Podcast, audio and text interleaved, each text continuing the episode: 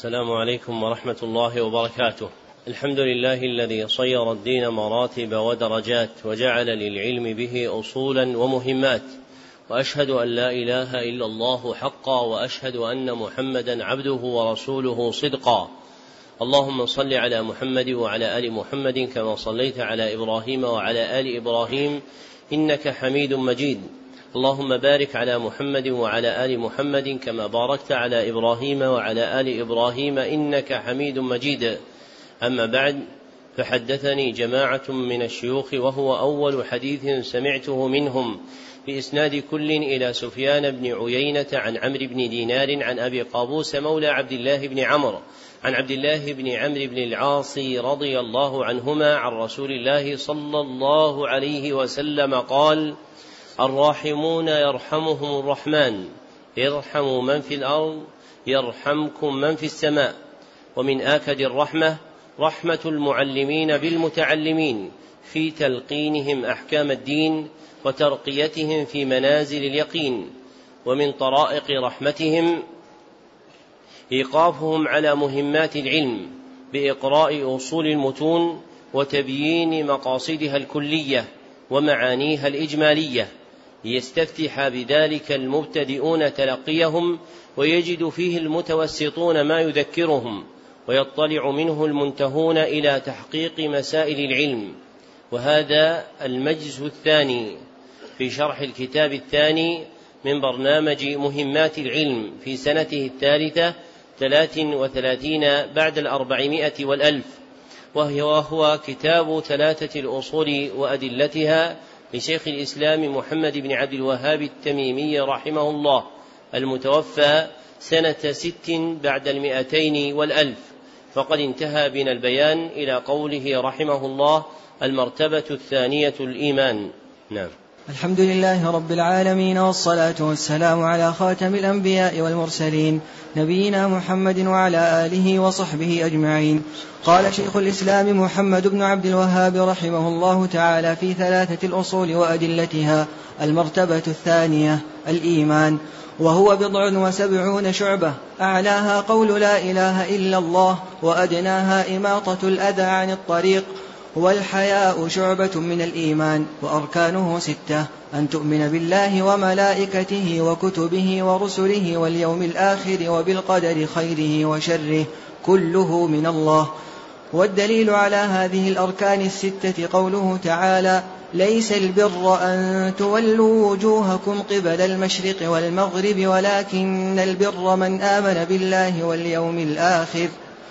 ولكن البر من آمن بالله واليوم الآخر والملائكة والكتاب والنبيين ودليل القدر قوله تعالى إنا كل شيء خلقناه بقدر. الإيمان في الشرع له معنيان.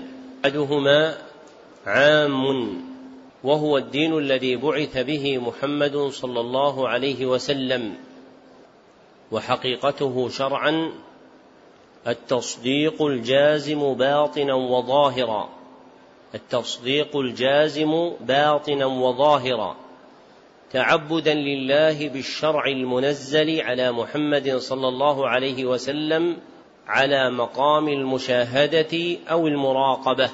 والآخر خاص وهو الاعتقادات الباطنة فإنها تسمى إيمانا. وهذا المعنى هو المقصود إذا قرن الإيمان بالإسلام والإحسان. والإيمان بضع وستون شعبة أعلاها قول لا إله إلا الله وأدناها إماطة الأذى عن الطريق. والحياء شعبة من الإيمان ثبت ذلك في الصحيحين. واختلف في عد شعب الإيمان فلفظ البخاري بضع وستون. ولفظ مسلم بضع وسبعون وعنده أيضا بضع وستون أو وسبعون على الشك. والمقدم من هذه الألفاظ رواية هي رواية البخاري فإنها أصح إسنادا وأوثق رجالا. فالمحفوظ في عد شعب الإيمان أنها بضع وستون شعبة. وشعب الإيمان هي خصاله وأجزاؤه الجامعة له. ومنها قولي كقول لا إله إلا الله وعملي كإماطة الأذى عن الطريق وقلبي كالحياء. وقد جمعت أنواع شعب الإيمان الثلاثة في حديث أبي هريرة المشار إليه. والآيتان المذكورتان في كلام المصنف دالتان على أركان الإيمان الستة. ولم يأت الإيمان بالقدر مقرونا في القرآن بالأركان الخمسة تعظيما لشأنه فإنه وقع في القرآن عد أركان الإيمان خمسة متتابعة وأفرد القدر بالذكر تعظيما لشأنه. وراس ما ينبغي تعلمه من أركان الإيمان الستة هو معرفة القدر الواجب المجزئ من الإيمان بكل ركن مما هو واجب على العبد ابتداء لا يسعه جهله ولا يصح دينه إلا به. وهذه المسألة مع جلالتها قل من ينبه إليها. واستقراء أدلة الشرع يدل على أن كل على أن كل ركن من أركان الإيمان منه قدر واجب لازم كل عبد ابتداء لا يسعه جهله ولا يصحح دينه إلا به.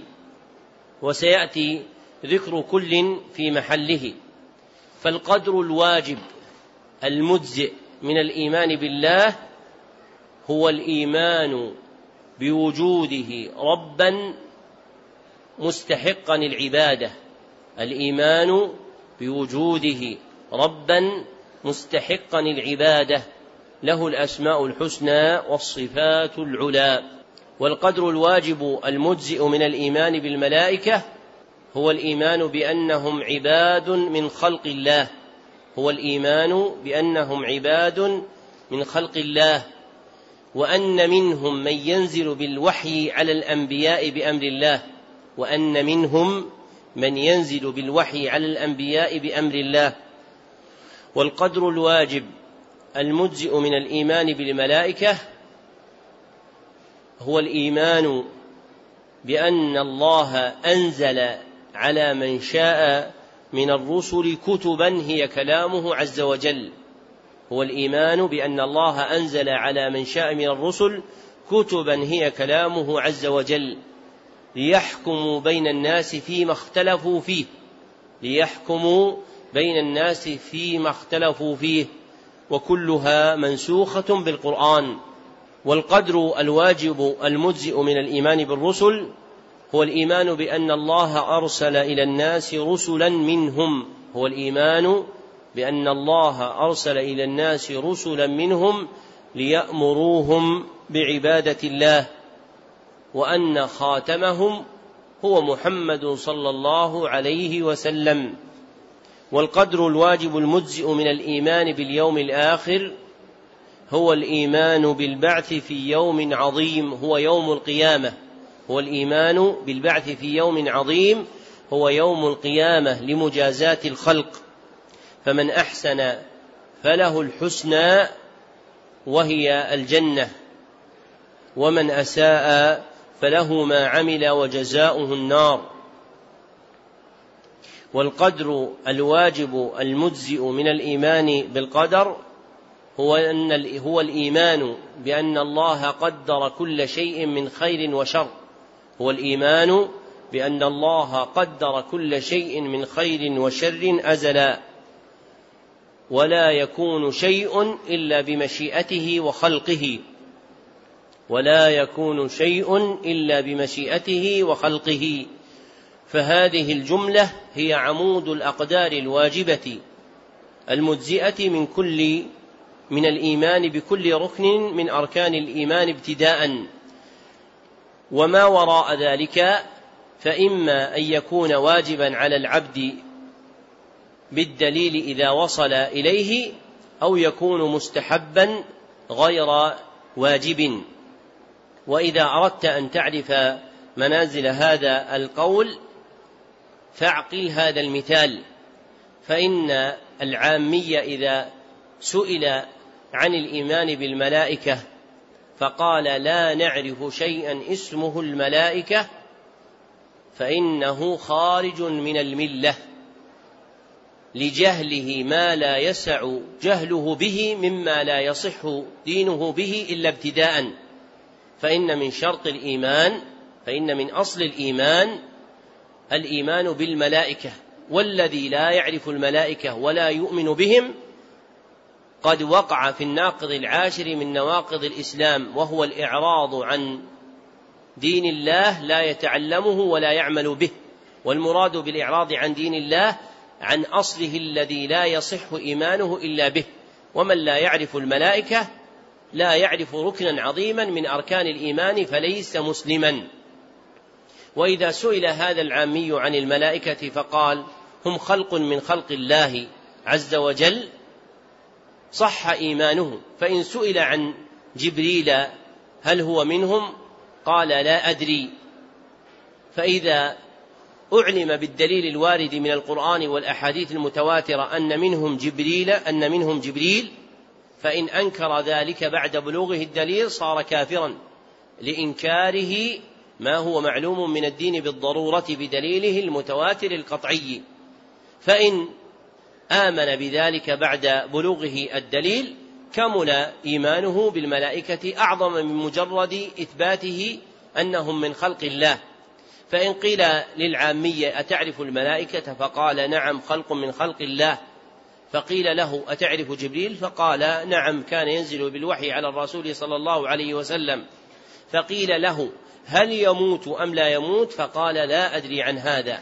فإذا ذكرت له الأدلة واختلاف أهل العلم في موت جبريل عليه الصلاة والسلام مما ختم به السيوطي كتابه التحبير في علوم التفسير قال لا أفهم هذا ولا أدري عنه فإن ذلك لا يكون مؤثرا في إيمانه لا نقضا ولا نقصا لأن العلم بهذه المسألة والاطلاع على الراجح فيها ليس واجبا على العبد ابتداء في إيمانه بالملائكة ولا واجبا عليه بعد بلوغه الدليل لأن الأدلة في هذه المسألة تتنازعها الأنظار وليس منها شيء قطعي. فلا بد أن تعرف مراتب ما يتعلق بالإيمان بكل ركن حتى تعرف ما يجب عليك ابتداء في تصحيح إيمانك بكل واحد منها. وأن ما وراء ذلك مما يزيد إيمانك بذلك الركن. فالذي يطلع على أحوال الملائكة ويتسع علمه بهم بقراءة ما جاء في كلام الله وكلام الرسول صلى الله عليه وسلم ومعرفة معاني ذلك يكون أعظم في صدق إيمانه وأثبت في الإيمان بهم من رجل لا يعرف إلا أنهم خلق من خلق الله سبحانه وتعالى. ويقال في كل ركن من أركان الإسلام نظير القول في هذه المسألة. فهي مسألة عظيمة ينبغي أن يعتني طالب العلم بالتفقه بها وهي من آكد مسائل الإيمان والشغل عنها بمسائل دونها تتعلق بالإيمان من الاشتغال بالفضول وترك الأصول. وتقدم ما ذكرت لكم صبيحة هذا اليوم من قول أبي عبيد القاسم بن سلام رحمه الله تعالى عجبت لمن ترك الأصول وطلب الفضول فطالب العلم خاصة ومريد النجاة من الخلق عامة ينبغي أن يشتغل بما ينفعه ويلزمه وأن يعزف عن عن الفضول التي تهدر قوته وتبدد نشاطه ولا يصل إليه منها كبير منفعة في الدنيا والآخرة. نعم. قال رحمه الله المرتبة الثالثة الإحسان ركن واحد وهو أن تعبد الله وحده كأنك تراه فإن لم تكن تراه فإنه يراك. قرب بالله منك يا عبد العزيز. والدليل قوله تعالى ومن يسلم وجهه إلى الله وهو محسن فقد استمسك بالعروة الوثقى وقوله تعالى ان الله مع الذين اتقوا والذين هم محسنون وقوله تعالى ومن يتوكل على الله فهو حسبه وقوله تعالى وتوكل على العزيز الرحيم الذي يراك حين تقوم وتقلبك في الساجدين إنه هو السميع العليم وقوله وما تكون في شأن وما تتلو منه من قرآن ولا تعملون من عمل إلا كنا عليكم شهودا إذ تفيضون فيه. ذكر المصنف رحمه الله المرتبة الثالثة من مراتب الدين وهي الإحسان والإحسان له معنيان في اللغة تتوقف عليهما حقيقته الشرعية. الأول إيصال النفع ومحله المخلوق دون الخالق. الأول إيصال النفع ومحله المخلوق دون الخالق والثاني الإتقان وإجادة الشيء الإتقان وإجادة الشيء ومحله الخالق والمخلوق. وهذا المعنى هو المراد في كلام المصنف والمذكور منه الإحسان مع الخالق. وله إطلاقان شرعيان. الأول عام وهو الدين الذي بعث به محمد صلى الله عليه وسلم وحقيقته شرعا إتقان الباطن والظاهر تعبدا لله. إتقان الباطن والظاهر تعبدا لله. بالشرع المنزل على محمد صلى الله عليه وسلم على مقام المشاهدة والمراقبة. إتقان الباطن والظاهر تعبدا لله بالشرع المنزل على محمد صلى الله عليه وسلم على مقام المشاهدة والمراقبة. والآخر خاص وهو إتقان الاعتقادات الباطنة والأعمال الظاهرة على مقام المشاهدة أو المراقبة. إتقان الاعتقادات الباطنة والأعمال الظاهرة على مقام المشاهدة أو المراقبة. وهذا المعنى هو المقصود إذا قرن الإحسان بالإيمان والإسلام.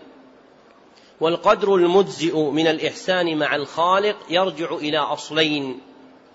أحدهما إحسان معه في حكمه القدري بالصبر على الأقدار.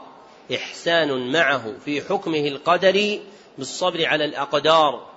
والآخر إحسان معه في حكمه الشرعي بامتثال خبره بالتصديق نفيا وإثباتا بامتثال خبره بالتصديق نفيا وإثباتا وامتثال طلبه بفعل الواجبات وترك المحرمات واعتقاد حل الحلال وامتثال طلبه بفعل الواجبات وترك المحرمات واعتقاد حل الحلال.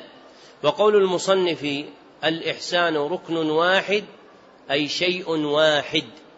نص عليه ابن قاسم العاصمي في حاشية ثلاثة الأصول لأن حقيقة الركن لا تصدق عليه فلا بد من حمله على معنى يصح به. لأن ركن الشيء إذا كان واحدا فهو الشيء نفسه والركن لا يكون إلا متعددا. فيكون اثنان فيكون اثنين أو ثلاثة أو أربعة فإن كان واحدا فهو الشيء نفسه. وسبق أن الإحسان له ركنان أحدهما عبادة الله والآخر إيقاع تلك العبادة أي فعلها رحمك الله أي فعلها على مقام المشاهدة أو المراقبة. والأدلة التي ذكرها المصنف على مرتبة الإحسان منها ما هو مصرح بمدح من هو متصف به وذلك في الآيتين الأوليين في قوله تعالى وهو محسن وقوله تعالى والذين هم محسنون ومنها ما هو مصرح بمقام المراقبة وذلك في الآيتين الأخيرتين في قوله الذي يراك حين تقوم وتقلبك في الساجدين وقوله تعالى إلا كنا عليكم شهودا إذ تفيضون فيه. ومعنى تفيضون فيه شرعتم تعملون فيه ودخلتم به. أما قوله تعالى ومن يتوكل على الله فهو حسبه فوجه دلالتها على الإحسان اشتمالها على تفويض العبد أمره إلى الله. بالتوكل عليه وإنما يفوض أمره إلى الله من كان عابدا له على مقام المشاهدة أو المراقبة. فالتوكل يتضمن عبادة الله مشاهدة أو مراقبة. فتصير الآية دالة على الإحسان. نعم. قال رحمه الله والدليل من السنة حديث جبرائيل عليه السلام المشهور. عن عمر رضي الله عنه قال بينما نحن جلوس عند رسول الله صلى الله عليه وسلم إذ طلع علينا رجل شديد بياض الثياب شديد سواد الشعر لا يرى عليه أثر السفر ولا يعرفه منا أحد. فجلس إلى النبي صلى الله عليه وسلم فأسند ركبتيه إلى ركبتيه ووضع كفيه على فخذيه فقال يا محمد أخبرني عن الإسلام. فقال أن تشهد أن لا إله إلا الله وأن محمدا رسول الله وتقيم الصلاة وتؤتي الزكاة وتصوم رمضان وتحج البيت إن استطعت إليه سبيلا. فقال صدقت. فعجبنا له يسأله ويصدقه قال أخبرني عن الإيمان. قال أن تؤمن بالله وملائكته وكتبه ورسله واليوم الآخر وبالقدر خيره وشره. قال صدقت قال أخبرني عن الإحسان. قال أن تعبد الله كأنك تراه فإن لم تكن تراه فإنه يراك. قال صدقت. قال فأخبرني عن الساعة. قال ما المسؤول عنها بأعلم من السائل. قال أخبرني عن أماراتها. قال أن تلد الأمة ربتها وأن ترى الحفاة العراة العالة رعاء الشاء يتطاولون في البنيان. قال فمضى فلبثنا مليا. فقال صلى الله عليه وسلم يا عمر أتدري من السائل؟ قلنا الله ورسوله أعلم. قال هذا جبريل أتاكم يعلمكم أمر دينكم. هذا حديث عظيم مخرج في المسند الصحيح لمسلم من حديث عمر رضي الله عنه. ذكر فيه النبي صلى الله عليه وسلم مراتب الدين الإسلام والإيمان والإحسان ثم سماهن صلى الله عليه وسلم دينا بقوله في آخره يعلمكم أمر دينكم. ففيه بيان مراتب الدين وهن الثلاث المذكورات ولفظ أمر ليس في صحيح مسلم بل رواه من الستة النسائي في سننه. وختم المصنف بهذا الحديث لاشتماله على جميع المسائل المتقدمة المتعلقة بمعرفة الدين ولجلالته سمي هذا الحديث بأم السنة. وقول جبريل عليه السلام أماراتها بفتح أوله جمع أمارة. وهي العلامة. والحديث يروى بالإفراد أمارتها وبالجمع أماراتها. والذي في الصحيح يعني صحيح مسلم الإفراد. وأما الجمع فعند أبي داود والنسائي. وقول النبي صلى الله عليه وسلم رعاء بكسر أوله جمع راع. وهو الذي يحفظ البهائم في مراعيها. وقول عمر رضي الله عنه مليا بفتح الميم وكسر اللام وتشديد الياء أي زمنا طويلا. ووقع تقديره في السنن بثلاث ليال. نعم. أحسن الله قال رحمه الله الأصل الثالث معرفة نبيكم محمد صلى الله عليه وسلم وهو محمد بن عبد الله بن عبد مطلب ابن هاشم وهاشم من قريش وقريش من العرب والعرب من ذرية إسماعيل بن إبراهيم الخليل عليه وعلى نبينا أفضل الصلاة والسلام. لما فرغ المصنف رحمه الله من بيان الأصل الثاني أتبعه ببيان الأصل الثالث وهو معرفة العبد نبيه صلى الله عليه وسلم. والنبي في الشرع يطلق على معنيين. أحدهما عام.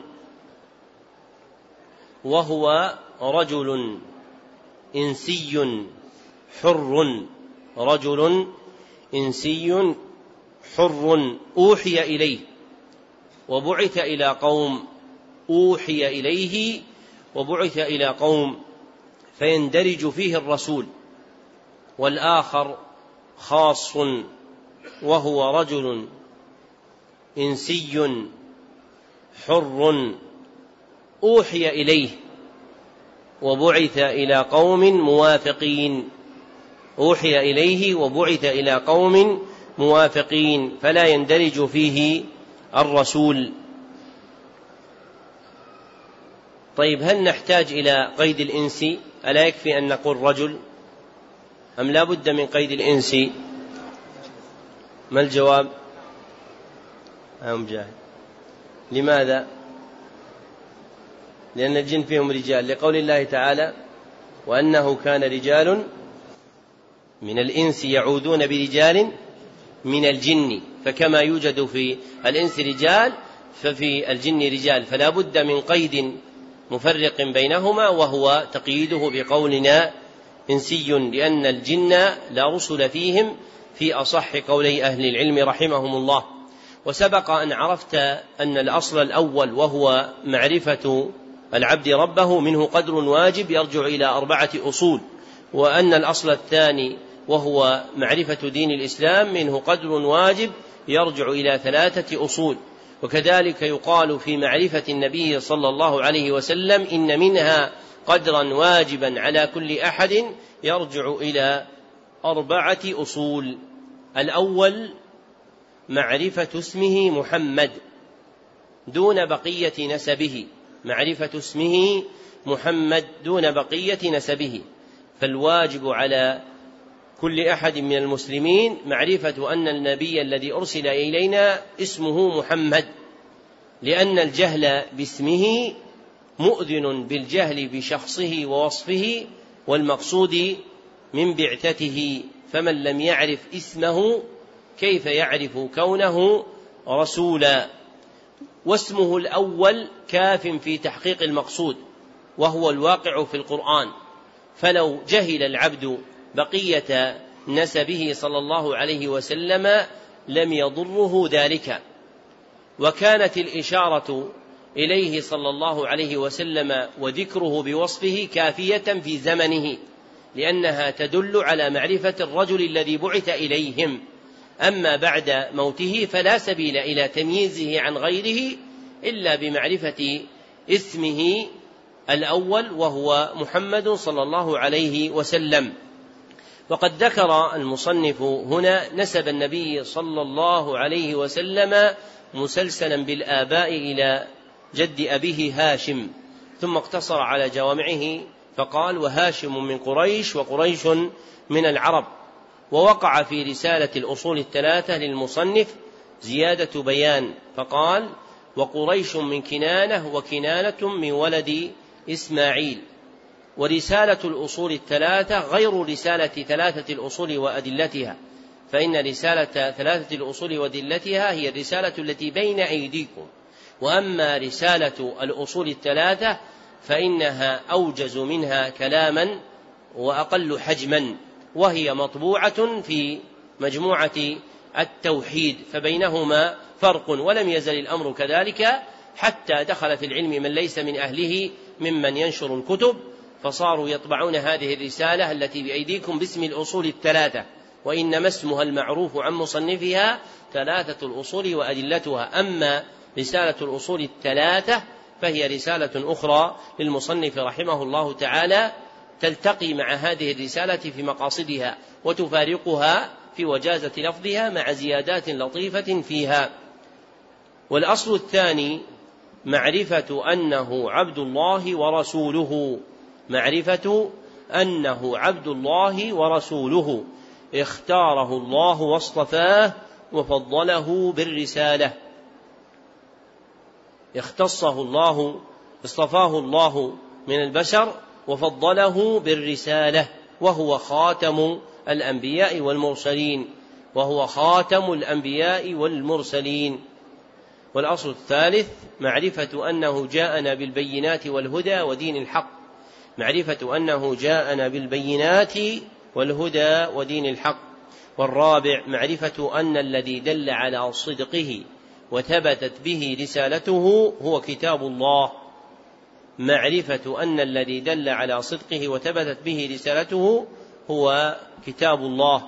فهذه أصول أربعة لا بد من معرفتها حتى يصح إسلام العبد بها فيما يتعلق بمعرفة النبي صلى الله عليه وسلم. نعم. قال رحمه الله وله من العمر ثلاث وستون سنة منها أربعون قبل النبوة وثلاث وعشرون نبيا رسولا. نبئ بإقرأ وأرسل بالمدثر وبلده مكة. عمر النبي صلى الله عليه وسلم ثلاثا وستين سنة. قسمت شطرين فمنها أربعون قبل النبوة وثلاث وعشرون نبيا رسولا. أوحي إليه وبعث وهو ابن أربعين سنة. ووحي البعث الذي يصطفي به الله من شاء من عباده نوعان. ووحي البعث الذي يصطفي به الله من شاء من عباده نوعان. أحدهما وحي نبوة. والآخر وحي رسالة وهي درجة أعلى من النبوة. وكان أول الموحى إلى نبينا صلى الله عليه وسلم صدر سورة العلق وأولها اقرأ وهو ابتداء وحي البعث إليه وثبتت به أقل مراتبه وهي النبوة. ثم لما أنزلت عليه سورة المدثر المتضمنة لأمره صلى الله عليه وسلم بنداره قوم مخالفين له ثبتت له صلى الله عليه وسلم مرتبة الرسالة فارتقى من درجة النبوة إلى درجة الرسالة فصار نبيا رسولا. وهذا معنى قول المصنف نبئ بإقرأ وأرسل بالمدثر أي ثبتت له مرتبة النبوة بإنزال اقرأ عليه وثبتت له مرتبة الرسالة بإنزال سوره المدثر عليه. نعم. قال رحمه الله بعثه الله بالنذارة عن الشرك ويدعو إلى التوحيد والدليل قوله تعالى يا أيها المدثر قم فأنذر وربك فكبر وثيابك فطهر والرجز فاهجر. ولا تمنن تستكثر ولربك فاصبر ومعنى قم فأنذر أي ينذر عن الشرك ويدعو إلى التوحيد وربك فكبر أي عظمه بالتوحيد وثيابك فطهر أي طهر أعمالك عن الشرك والرجز فاهجر الرجز الأصنام وهجرها تركها وأهلها والبراءة منها وأهلها وعداوتها وأهلها وفراقها وأهلها. المقصود من بعثة النبي صلى الله عليه وسلم أمران. الأول النذارة عن الشرك. ولفظ الإنذار مشتمل على التحذير والترهيب. ولفظ الإنذار مشتمل على التحذير والترهيب. والثاني الدعوة إلى التوحيد.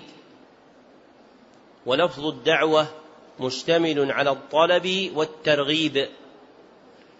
والدليل قوله تعالى قم فأنذر وربك فكبر فقوله تعالى قم فأنذر دال على الأول لأنه أمر بالإنذار من كل ما يحذر وأعظم ما يحذر هو الشرك.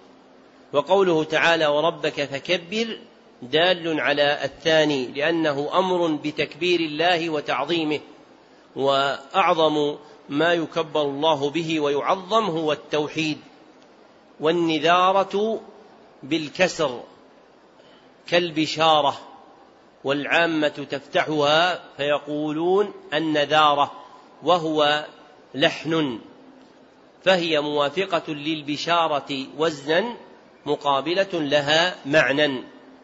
وفسر المصنف رحمه الله تعالى قوله تعالى وثيابك فطهر بقوله أي طهر أعمالك عن الشرك وعليه أكثر السلف. حكاه ابن جرير الطبري في تفسيره والسياق يدل عليه كما سبق بيانه صبيحة هذا اليوم. فتفسير الآية بالأعمال الملابسات أولى من تفسيرها بالثياب الملبوسات. وذكرت لكم أن من القواعد النافعة في تفسير الكلام ولا سيما كلام الله وكلام رسوله صلى الله عليه وسلم هو رعاية السياق. ومن بدائع أبي محمد بن عبد السلام ما ذكره في كتاب الإمام أن رعاية السياق ترجح المحتملات وتحل المشكلات وتبين الواضحات. ومن جملة ما ينتفع به من جملة ما ينتفع, ينتفع فيه بها هذا الموضع الذي تنازعه العلماء في تفسيره. ومن رعى السياق رجح أن المقصود بذلك هو تطهير الأعمال وهو الصحيح. ثم ذكر المصنف رحمه الله أصول هجر عبادة الأصنام وهي أربعة. الأول تركها وترك أهلها. تركها وترك أهلها والثاني فراقها وفراق أهلها فراقها وفراق أهلها. وهذا قدر زائد عن الترك لأن المفارق مباعد. وهذا قدر زائد عن الترك لأن المفارق مباعد. والثالث البراءة منها ومن أهلها. والرابع عداوتها وعداوة أهلها. وفيه زيادة على سابقه بإظهار العداوة لأن المتبرئ قد يعادي وقد لا يعادي. وهذه الأصول الأربعة لا تختص بعبادة الأصنام بل تعم كل ما يتخذ من الآلهة دون الله. نعم. قال رحمه الله أخذ على هذا عشر سنين يدعو إلى التوحيد وبعد العشر عرج به إلى السماء وفرضت عليه الصلوات الخمس وصلى في مكة ثلاث سنين وبعدها أمر بالهجرة إلى المدينة. نعم. والهجرة فريضة على هذه الأمة من بلد الشرك إلى بلد الإسلام وهي باقية إلى أن تقوم الساعة. والدليل قوله تعالى إن الذين توفاهم الملائكة ظالمي أنفسهم قالوا فيم كنتم قالوا كنا مستضعفين في الأرض قالوا ألم تكن أرض الله واسعة فتهاجروا فيها فأولئك مأواهم جهنم وساءت مصيرا إلا المستضعفين من الرجال والنساء والولدان لا يستطيعون حيلة ولا يهتدون سبيلا فأولئك عسى الله أن يعفو عنهم وكان الله عفوا غفورا. وقوله تعالى يا عبادي الذين آمنوا إن أرضي واسعة فإياي فاعبدون. قال البغوي رحمه الله تعالى سبب نزول هذه الآية في المسلمين الذين بمكة لم يهاجروا ناداهم الله باسم الإيمان. والدليل على الهجرة من السنة قوله صلى الله عليه وسلم لا تنقطع الهجرة حتى تنقطع التوبة ولا تنقطع التوبة حتى تطلع الشمس من مغربها. لما بعث النبي صلى الله عليه وسلم لبث عشر سنين يدعو الخلق إلى التوحيد وبعد مضي العرش وبعد, وبعد مضي العشر عرج به إلى السماء أي صعد به صلى الله عليه وسلم إليها.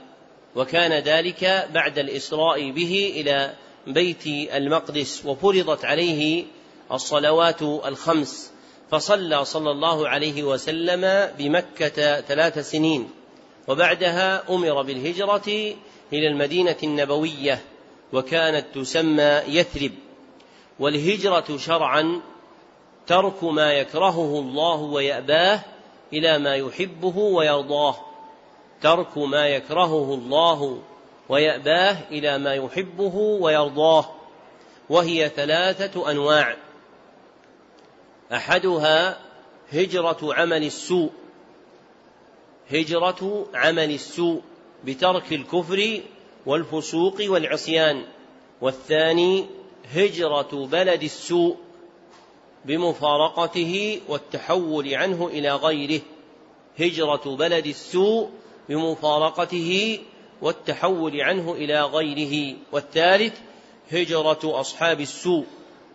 هجرة أصحاب السوء بمجانبة من يؤمر بهجره من الكفرة والمبتدعة والفساق.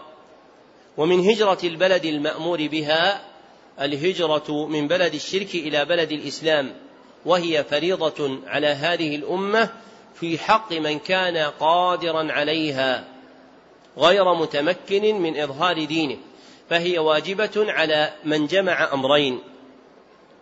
أحدهما قدرته على الهجرة والخروج من البلد الذي هو فيه والآخر عدم تمكنه من إظهار دينه.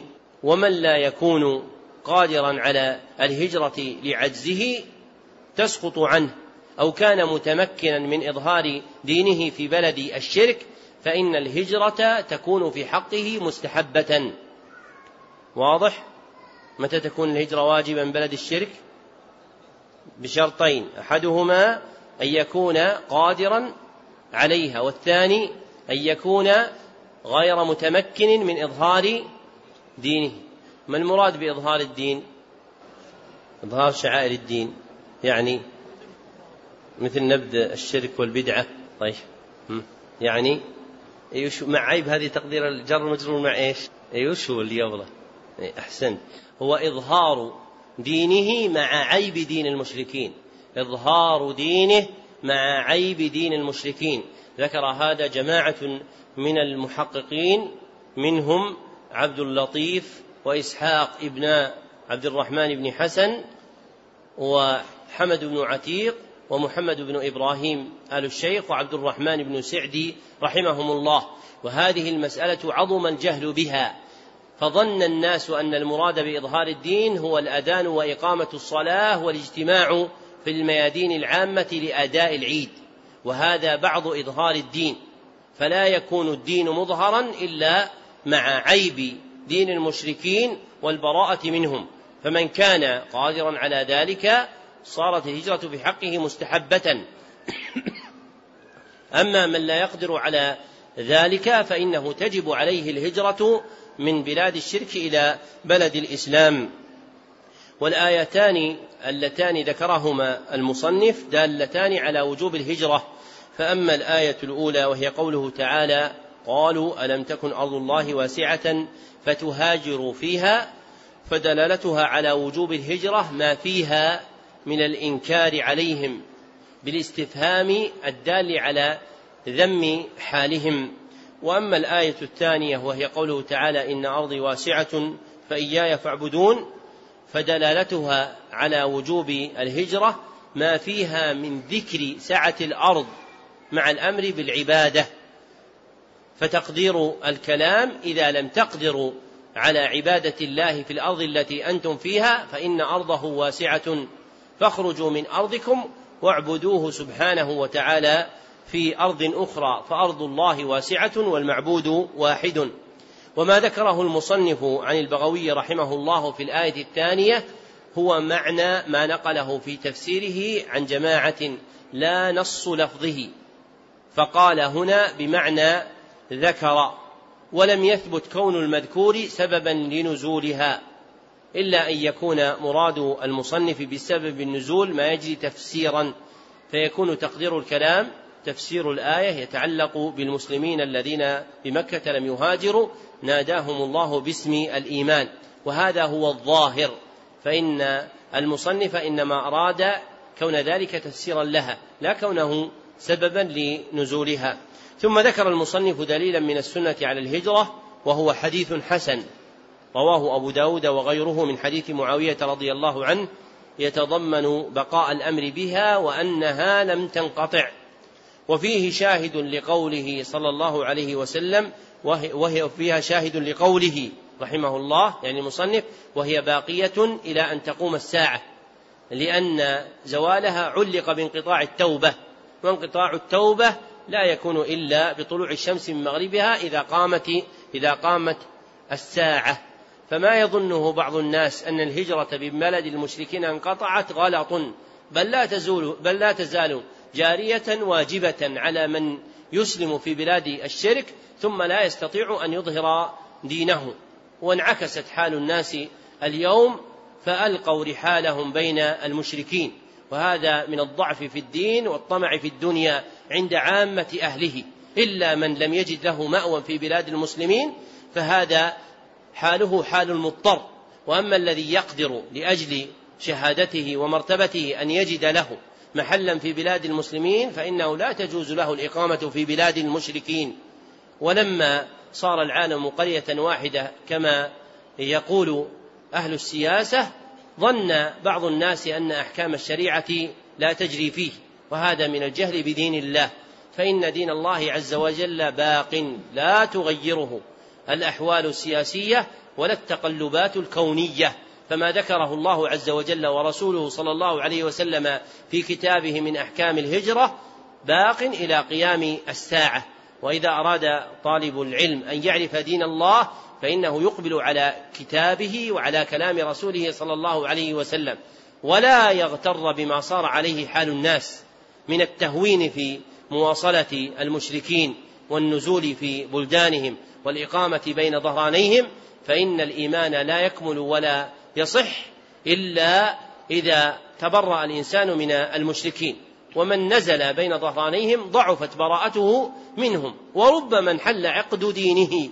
كما صحت بذلك الأخبار عن النبي صلى الله عليه وسلم وستأتي في كتاب التوحيد بأن فئاما من أمته ستلحق بالمشركين يعني ستتحول إلى بلادهم فتكون منهم.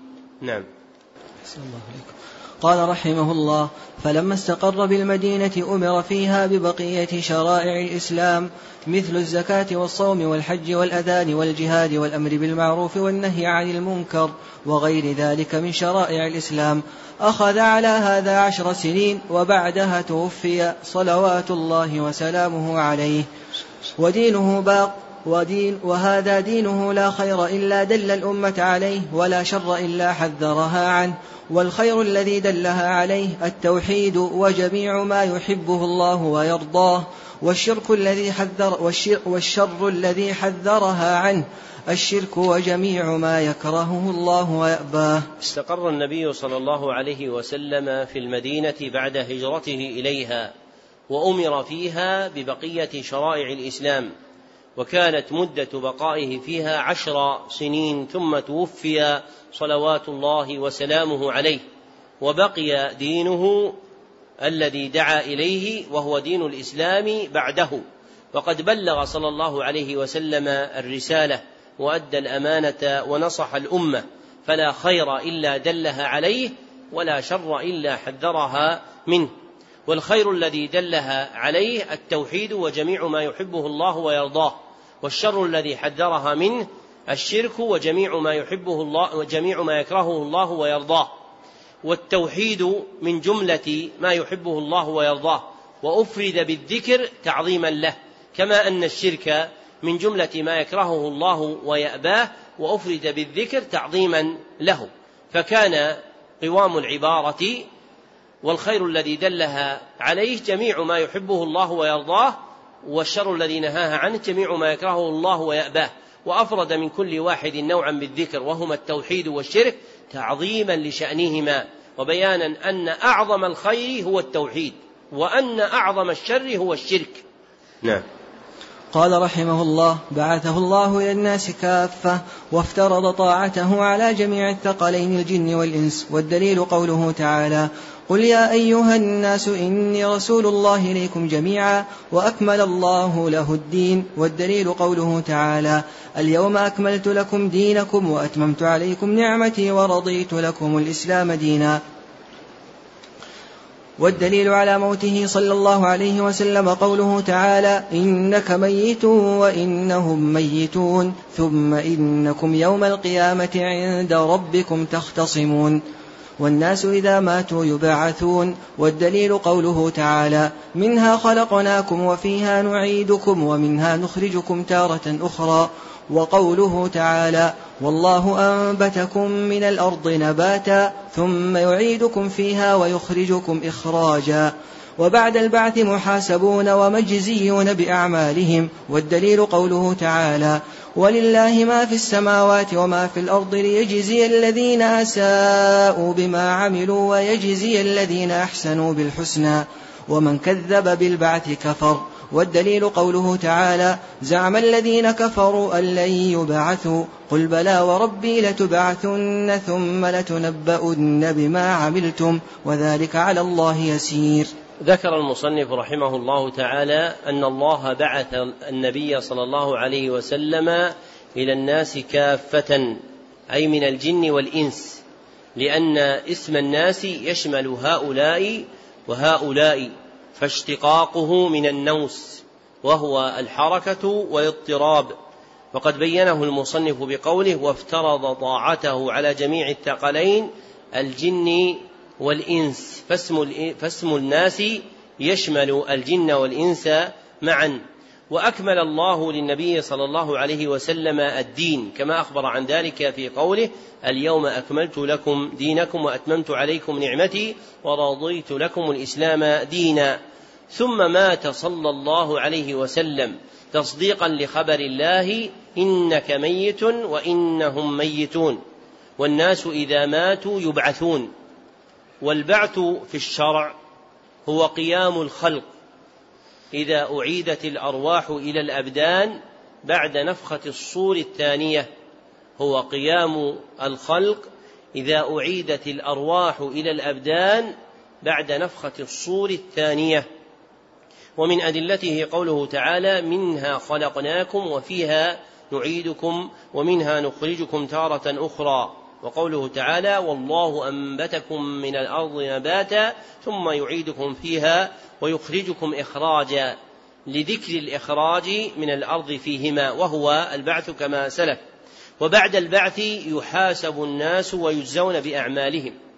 والحساب في الشرع هو عد أعمال العبد يوم القيامة.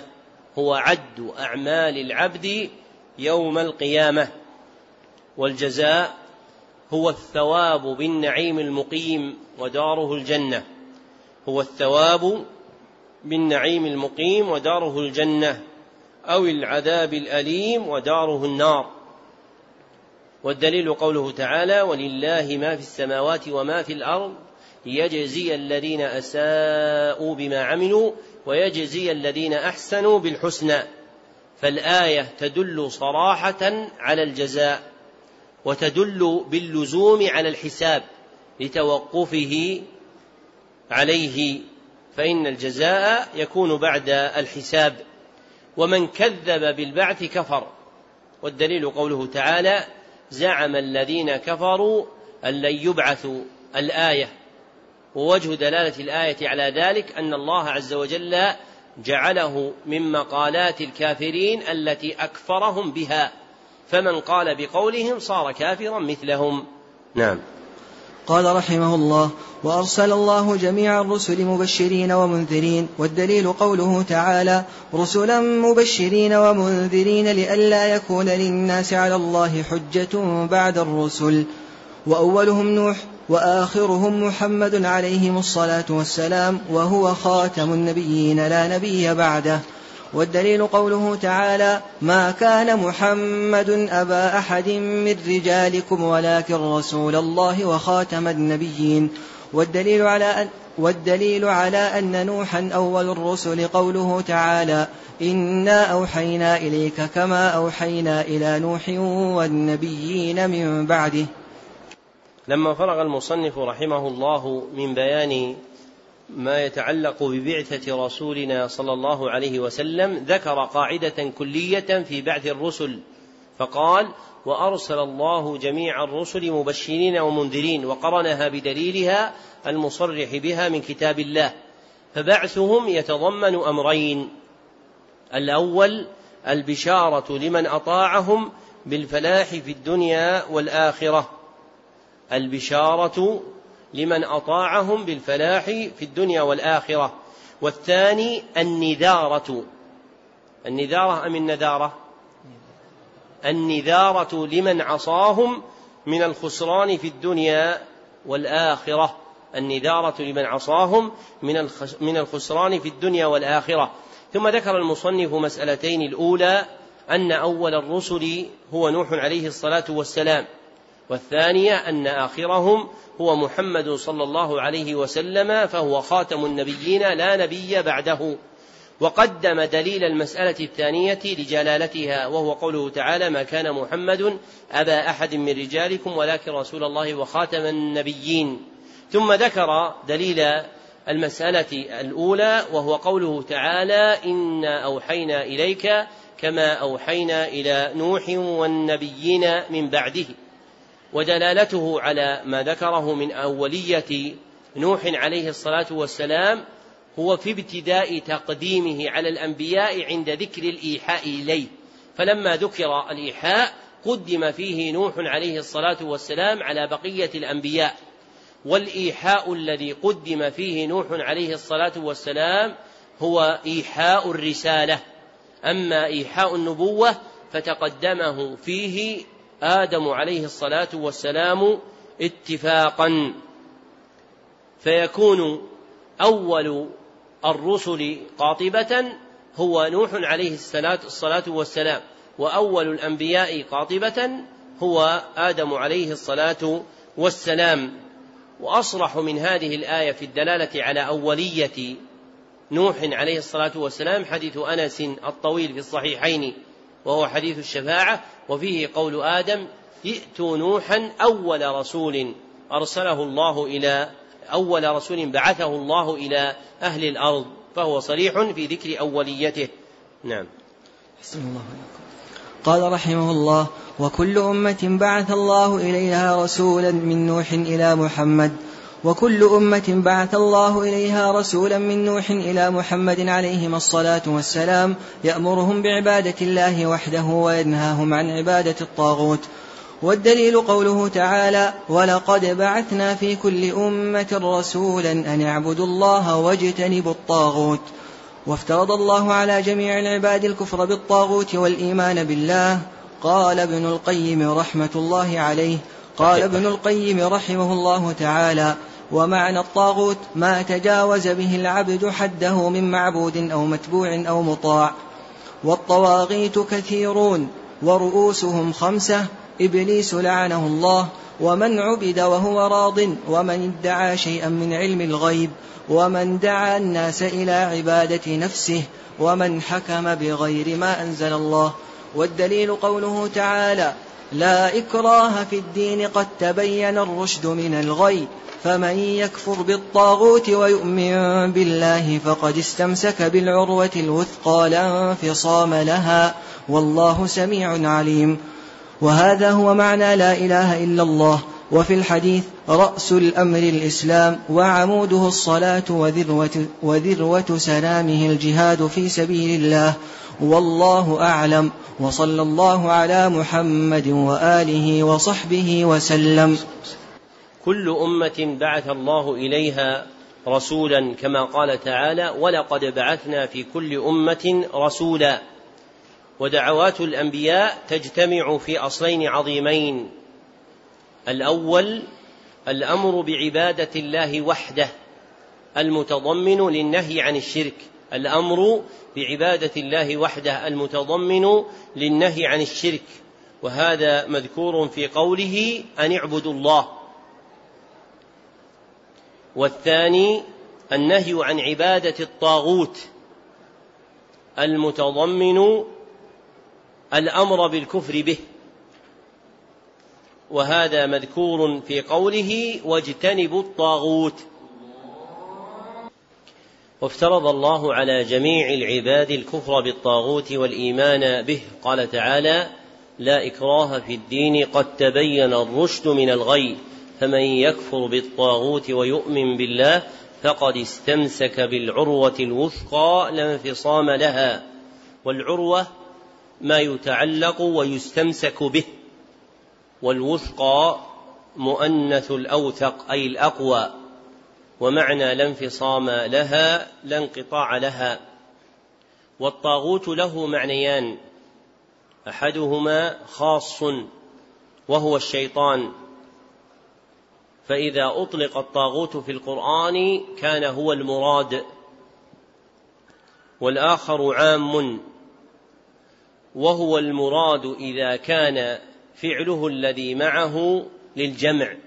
وهو المراد إذا كان فعله الذي معه للجمع كقوله تعالى الذين كفروا والذين كفروا أولياؤهم الطاغوت يخرجونهم من النور إلى الظلمات. وهو المقصود بقول ابن القيم في إعلام الموقعين الذي نقله المصنف. وهذا أحسن ما قيل في حده بمعناه العام. ذكره عبد الرحمن بن حسن في فتح المجيد. وجماع أنواع الطواغيت سوى الشيطان ثلاثة. أحدها طاغوت عبادة وثانيها طاغوت اتباع وثالثها طاغوت طاعة. ذكره سليمان بن سحمان رحمه الله. وأشار المصنف إلى معنى الطاغوت الخاص مع بعض أفراد المعنى العام في قوله والطواغيت كثيرون ورؤوسهم خمسة. إبليس لعنه الله ومن عبد وهو راض إلى آخر كلامه. والمراد بالروس والمراد بالرؤوس أعظمهم شرا وأشدهم خطرا. والغيب الذي يعد مدعيه طاغوتا هو الغيب المطلق الذي لا يعلمه إلا الله. أما الغيب النسبي الذي يعلمه أحد من الخلق دون أحد فليس مقصودا في قول المصنف ومن ادعى علم الغيب. والكفر بالطاغوت والإيمان بالله هو حقيقة لا إله إلا الله المتضمنة للنفي والإثبات كما تقدم. فنفيها هو الكفر بالطاغوت وإثباتها هو الإيمان بالله. وشاهده في الحديث رأس الأمر الإسلام وعموده الصلاة وذروه سنامه الجهاد في سبيل الله. فالأمر هو الدين والمراد بالإسلام معناه العام المتقدم المتضمن الكفر بالطاغوت والإيمان بالله. والحديث المذكور قطعة من حديث معاذ بن جبل رضي الله عنه الطويل الذي رواه الترمذي وابن ماجه بإسناد منقطع وله طرق يحسن بها وسيأتي في الأربعين النووية فهو أحد أحاديثها. وذروة الشيء أعلاه وأرفعه وهي بكسر الذال وضمها. وذكر بعض المتأخرين أيضا فتحها فالكلمة مثلثة ذروة وذروة وذروة. فمعنى وذروة سنامه الجهاد أعلى الإسلام وأرفعه الجهاد في سبيل الله. وبهذا ينتهي شرح الكتاب على نحو مختصر يبين معانيه الإجمالية ومقاصده الكلية. اللهم إنا نسألك علما في المهمات ومهما في المعلومات وبالله التوفيق. اكتبوا في وثيقة السماع. بعد قطع النت. اكتبوا سمع علي جميعا لمن كان قد سمع الجميع. والذي عليه فوت يكتب بعض ويحدد فوته حتى يستدركه في حين آخر. سمع علي جميعا بعدها ثلاثة الأصول وأدلتها بقراءة غيره والقارئ يكتب بقراءة وأما غيره يكتب بقراءة غيره صاحبنا ويثبت اسمه كاملا. فتم له ذلك في مجلس ولا في مجلسين؟ فتم له ذلك في مجلسين بالميعاد المثبت. في نسخ في محله من نسخته وأجزت له روايته عني إجازة خاصة من معين لمعين في معين بإسناد المذكور في منح المكرمات لإجازة طلاب المهمات. الحمد لله رب العالمين. ومنح المكرمات سنقرأه إن شاء الله تعالى فجر الجمعة القادمة. ليست التي تكون غدا بل الجمعة القادمة سنقرأه بإذن الله سبحانه وتعالى. وكتبه صالح بن عبد الله بن محمد العصيمي يوم أم ليلة. ليلة. ليلة إيش؟ ليلة الجمعة السادس والعشرين من شهر صفر من سنة أربع من سنة ثلاث وثلاثين بعد الأربعمائة والألف في مسجد النبي صلى الله عليه وسلم بمدينة الرسول عليه الصلاة والسلام. ويكون بعد العشاء إن شاء الله تعالى شرح منظومة القواعد الفقهية للعلامة ابن سعدي رحمه الله. وفق الله الجميع ما يحب ويرضى الحمد لله رب العالمين. صلى الله وسلم على عبده ورسوله محمد وآله وصحبه أجمعين.